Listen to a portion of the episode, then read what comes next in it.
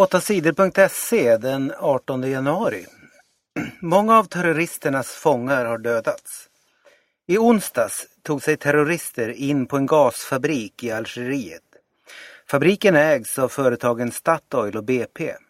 Där arbetade människor från Norge, Frankrike och andra länder.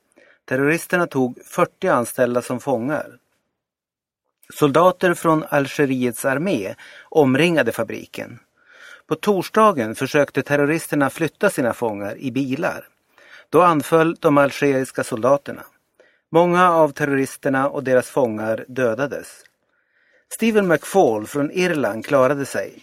Han åkte i den sista av fem bilar.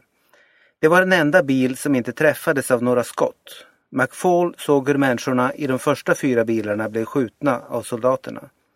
Under anfallet lyckades Stephen McFall fly från sina fångvaktare. Han klarade sig.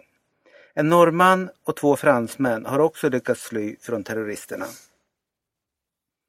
Det är fortfarande terrorister och fabriksanställda kvar inne i fabriken. Några av de anställda har lyckats gömma sig för terroristerna.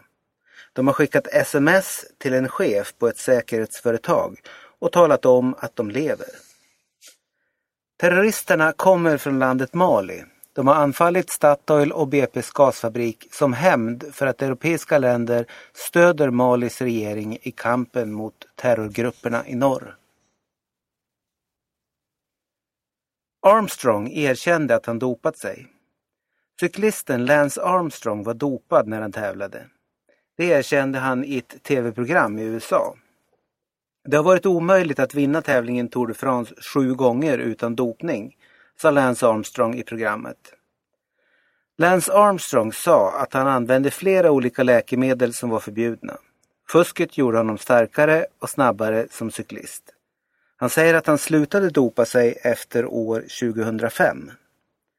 Lance Armstrong har redan tvingats lämna tillbaka alla medaljer han vunnit i Tour de France. Han ska också lämna tillbaka OS-medaljen som han vann i Sydney år 2000. Skivbolagen tjänar pengar igen. Det har gått dåligt för skivbolagen i flera år. Många har slutat att köpa CD-skivor. De lyssnar på musik på internet istället. Men nu har bolagen börjat tjäna pengar igen. Nästan alla pengar kommer från sajten Spotify. På Spotify kan lyssnaren själv välja vilka låtar den vill höra. Skivbolagen får pengar från Spotify när någon lyssnar på deras musik. Det är åtta år sedan skivbolagen tjänade så mycket pengar som nu. Kent, Lale och Swedish House Mafia var några av de populäraste artisterna på Spotify förra året. EU stöder Frankrikes krig i Mali. Frankrike har skickat många soldater till landet Mali. De hjälper Malis regering i kriget mot de islamistiska rebellerna. Rebellerna vill störta Malis lagliga regering och bilda en stat med hårda muslimska lagar. Frankrike får stöd av resten av länderna i EU. EU-ländernas ledare tycker att det är rätt att hjälpa Malis regering. EU ska också skicka folk till Mali. De ska utbilda Malis soldater. De afrikanska länderna Chad, Nigeria, Niger, Togo, Guinea och Ghana ska också skicka soldater till Mali. Snart dags för bandy-VM i Sverige. I nästa vecka börjar världsmästerskapet i bandy.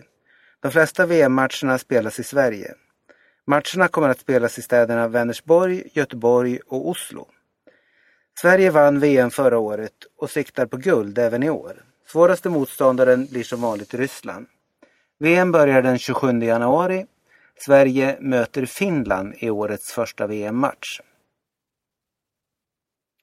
Tåget kan ha startat av misstag.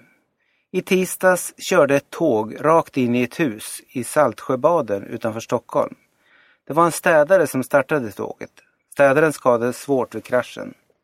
Tågföretaget sa först att städaren startat tåget med flit. Men nu har företaget ändrat sig. En undersökning visar att det kan ha varit ett misstag att tåget startade. Den som ställt tåget i garaget hade gjort flera fel. Bland annat var bromsarna inte på. Därför är det möjligt att tåget startade när städaren arbetade.